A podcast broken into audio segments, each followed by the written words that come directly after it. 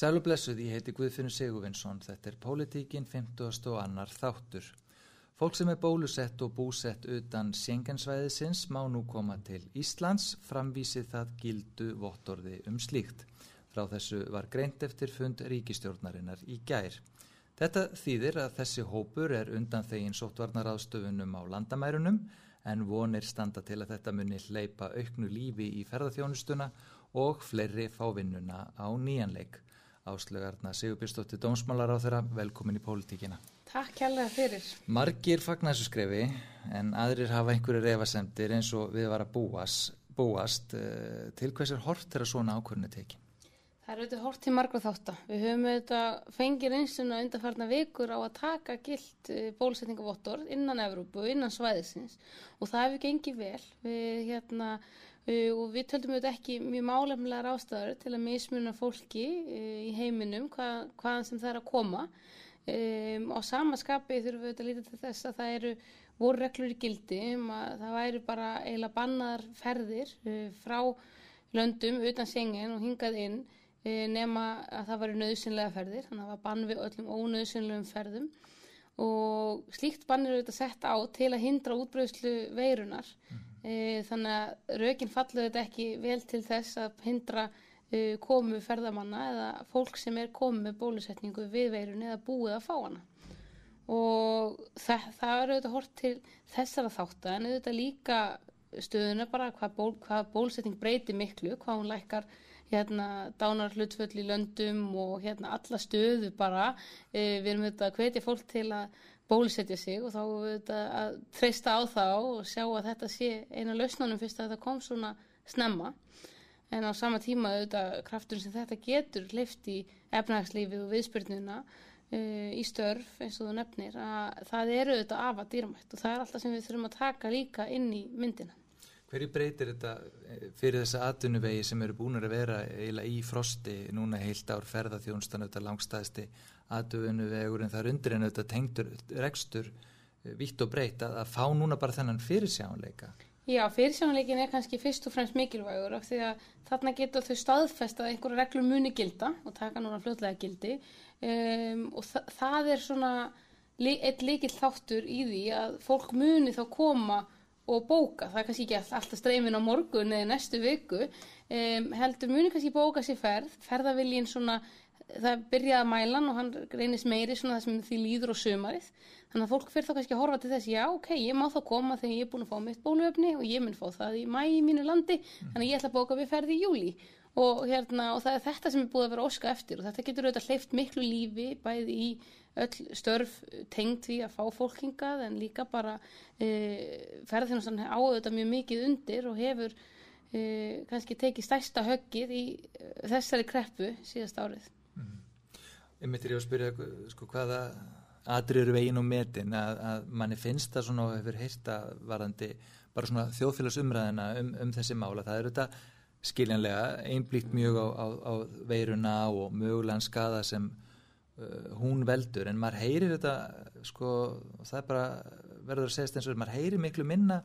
um allan annan skada sem maður hefur orðið til dæmis bara vegna aðgerðana því við menna áhrifin á líðhilsu almennt, áhrifin á langvarandi atvinnulegs og fólk og samfélags, uh, samfélagskostnaðin allan.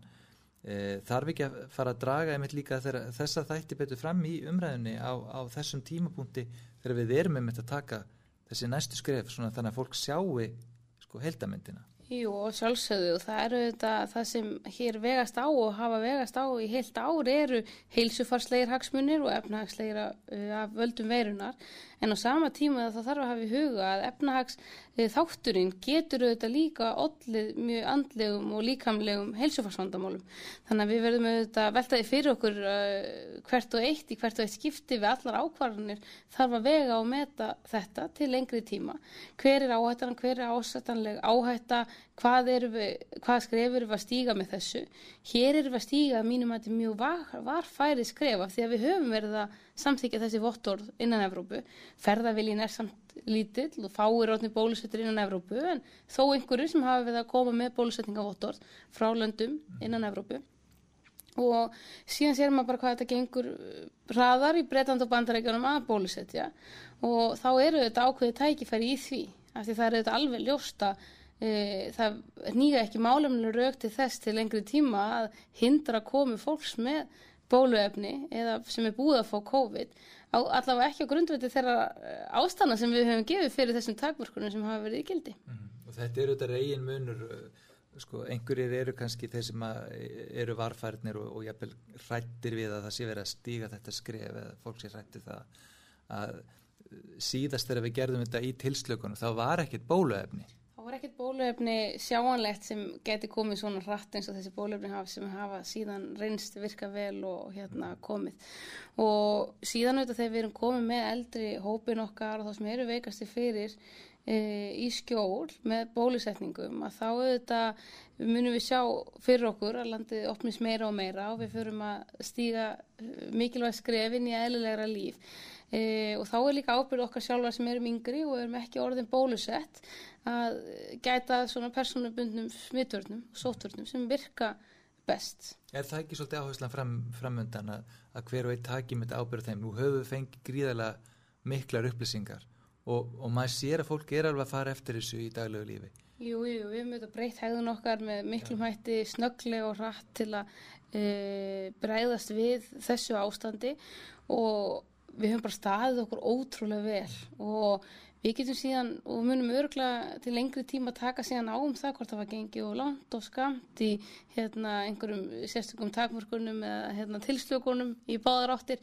um, og sagan mun eflaust dæma þetta COVID ástand með einhverjum hætti og viðbröðin út um allt í heiminum og hvernig þau voru, voru. en við getum auðvitað samt sem áður Uh, við erum mjög glöð með okkur um, og en á sama tíma þá getum við ekki fest í því að vera alltaf með okkur við aðra þjóðir þegar staðan er svona góð þá hefur við líka grípað tækifæri fyrir okkar efnæðslíf sem við eigum gríðarlega mikið undir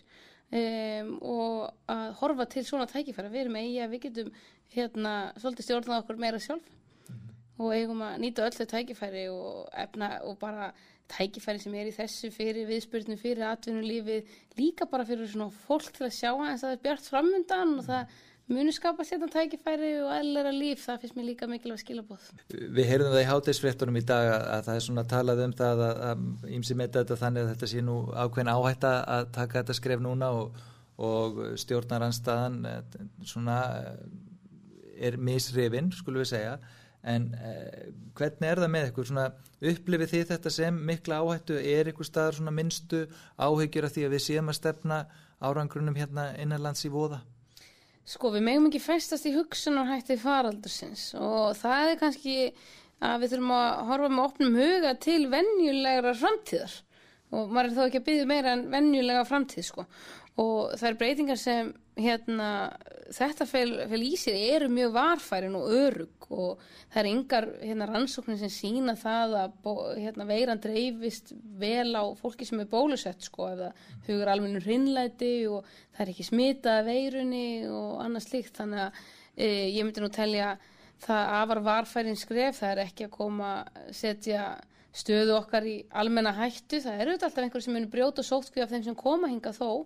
eh, hvort sem þeir sem búa hér eða starfa eða eru bara hérna eh, Íslandingar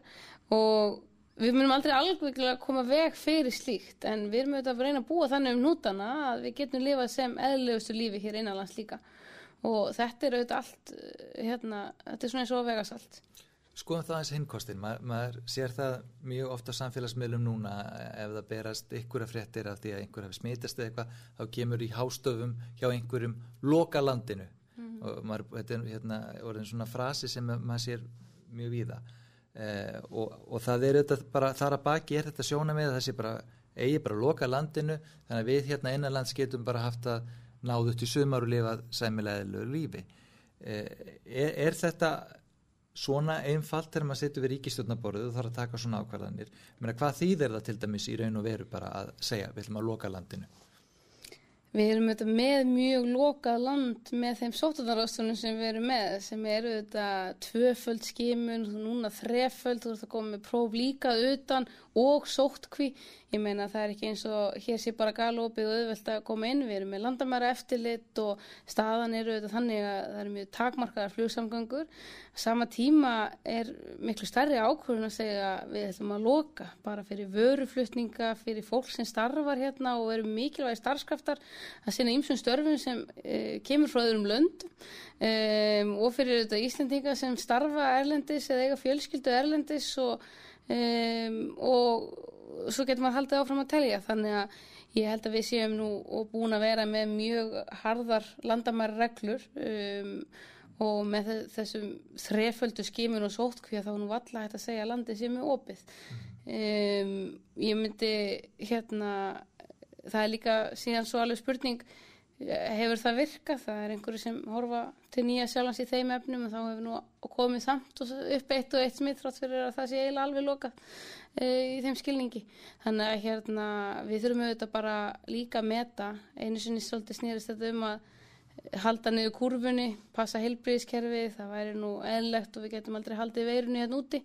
Og það er ennþá línan hjá sótunarleikni að einhverju leiti Um, við þurfum auðvitað alltaf að, að gæta því að uh, ganga meðalhóf í svona aðgerðum. Um, og við munum bara borga fyrir þær síðar ef uh, miklu dýrara verði uh, fyrir bara heilsu fólks, fyrir einmannleika, fyrir geðheilsu, fyrir hérna bygglista sem lengjast út af hérna forgansröðun á spítalanum Uh, fyrir bara ofbeldi og svo getur maður áfram talið. Það eru þetta miklar afleðingar af uh, mikilli innveru, miklum takmörkunum um, og svo að missa vinnuna og þessi fjöldi fólk sem er atvinnlösu í Íslandi. Það eru þetta okkar starfa að meta þeirra hagsmunni inn í þessa mynd. Mm -hmm. Að lokum bólusetningar standa yfir og, og við heyrðum fréttir í morgun sem sögðu að Ísland fær núna 8000 skamta aukalega af, af þessu fæsirbóluefni á öðrum ásfjörðungi og, og það er þetta ánægild að heyra slíka fregnir við erum mörg sem vildum sjá þetta gerast mun hraðar. Uh, ertu bjart sína á að, að við náum utanum þetta verkefni í sumar og, og, og hérna og lífi verði komið í eðlilegt horf nokkur neginn með haustinu? Já, ég er nú almennt bjart sína eðlisfari, auðvitað er ég líki þeim hópi sem væri til að sjá þetta hraðar, ég e, veit ekki hverjir er í hinnum hófnum, en hérna um, ég held að það sé þó mikla blikur á lofti af því að þegar við komumst yfir það mark, að við erum komið með uh, þá sem eldri eru og með undiríkjandi sjúkdóma með bólusetningu að þá blasir þetta við okkur allt önnu mynd. Og þá getur við strax farið að leta verulega á um, um, auðvitað þurfum við að halda áfram að hérna sinna sóttvörnum og meðan hérna, veiran er ennþá. En síðan munum við komast og fá hjarðónami hér og lífið aftur í sinn vanagang. Og við höfum auðvitað að horfa til þess að uh, í því hérna uh, að takmarkanðinar muni ekki og mega ekki standa lengur yfir heldur en algjör að brína nöðsinn ber Áslöðarna Sigurbjörnsdóttir Dómsmálar á þar að takk það fyrir komuna. Takk fyrir mig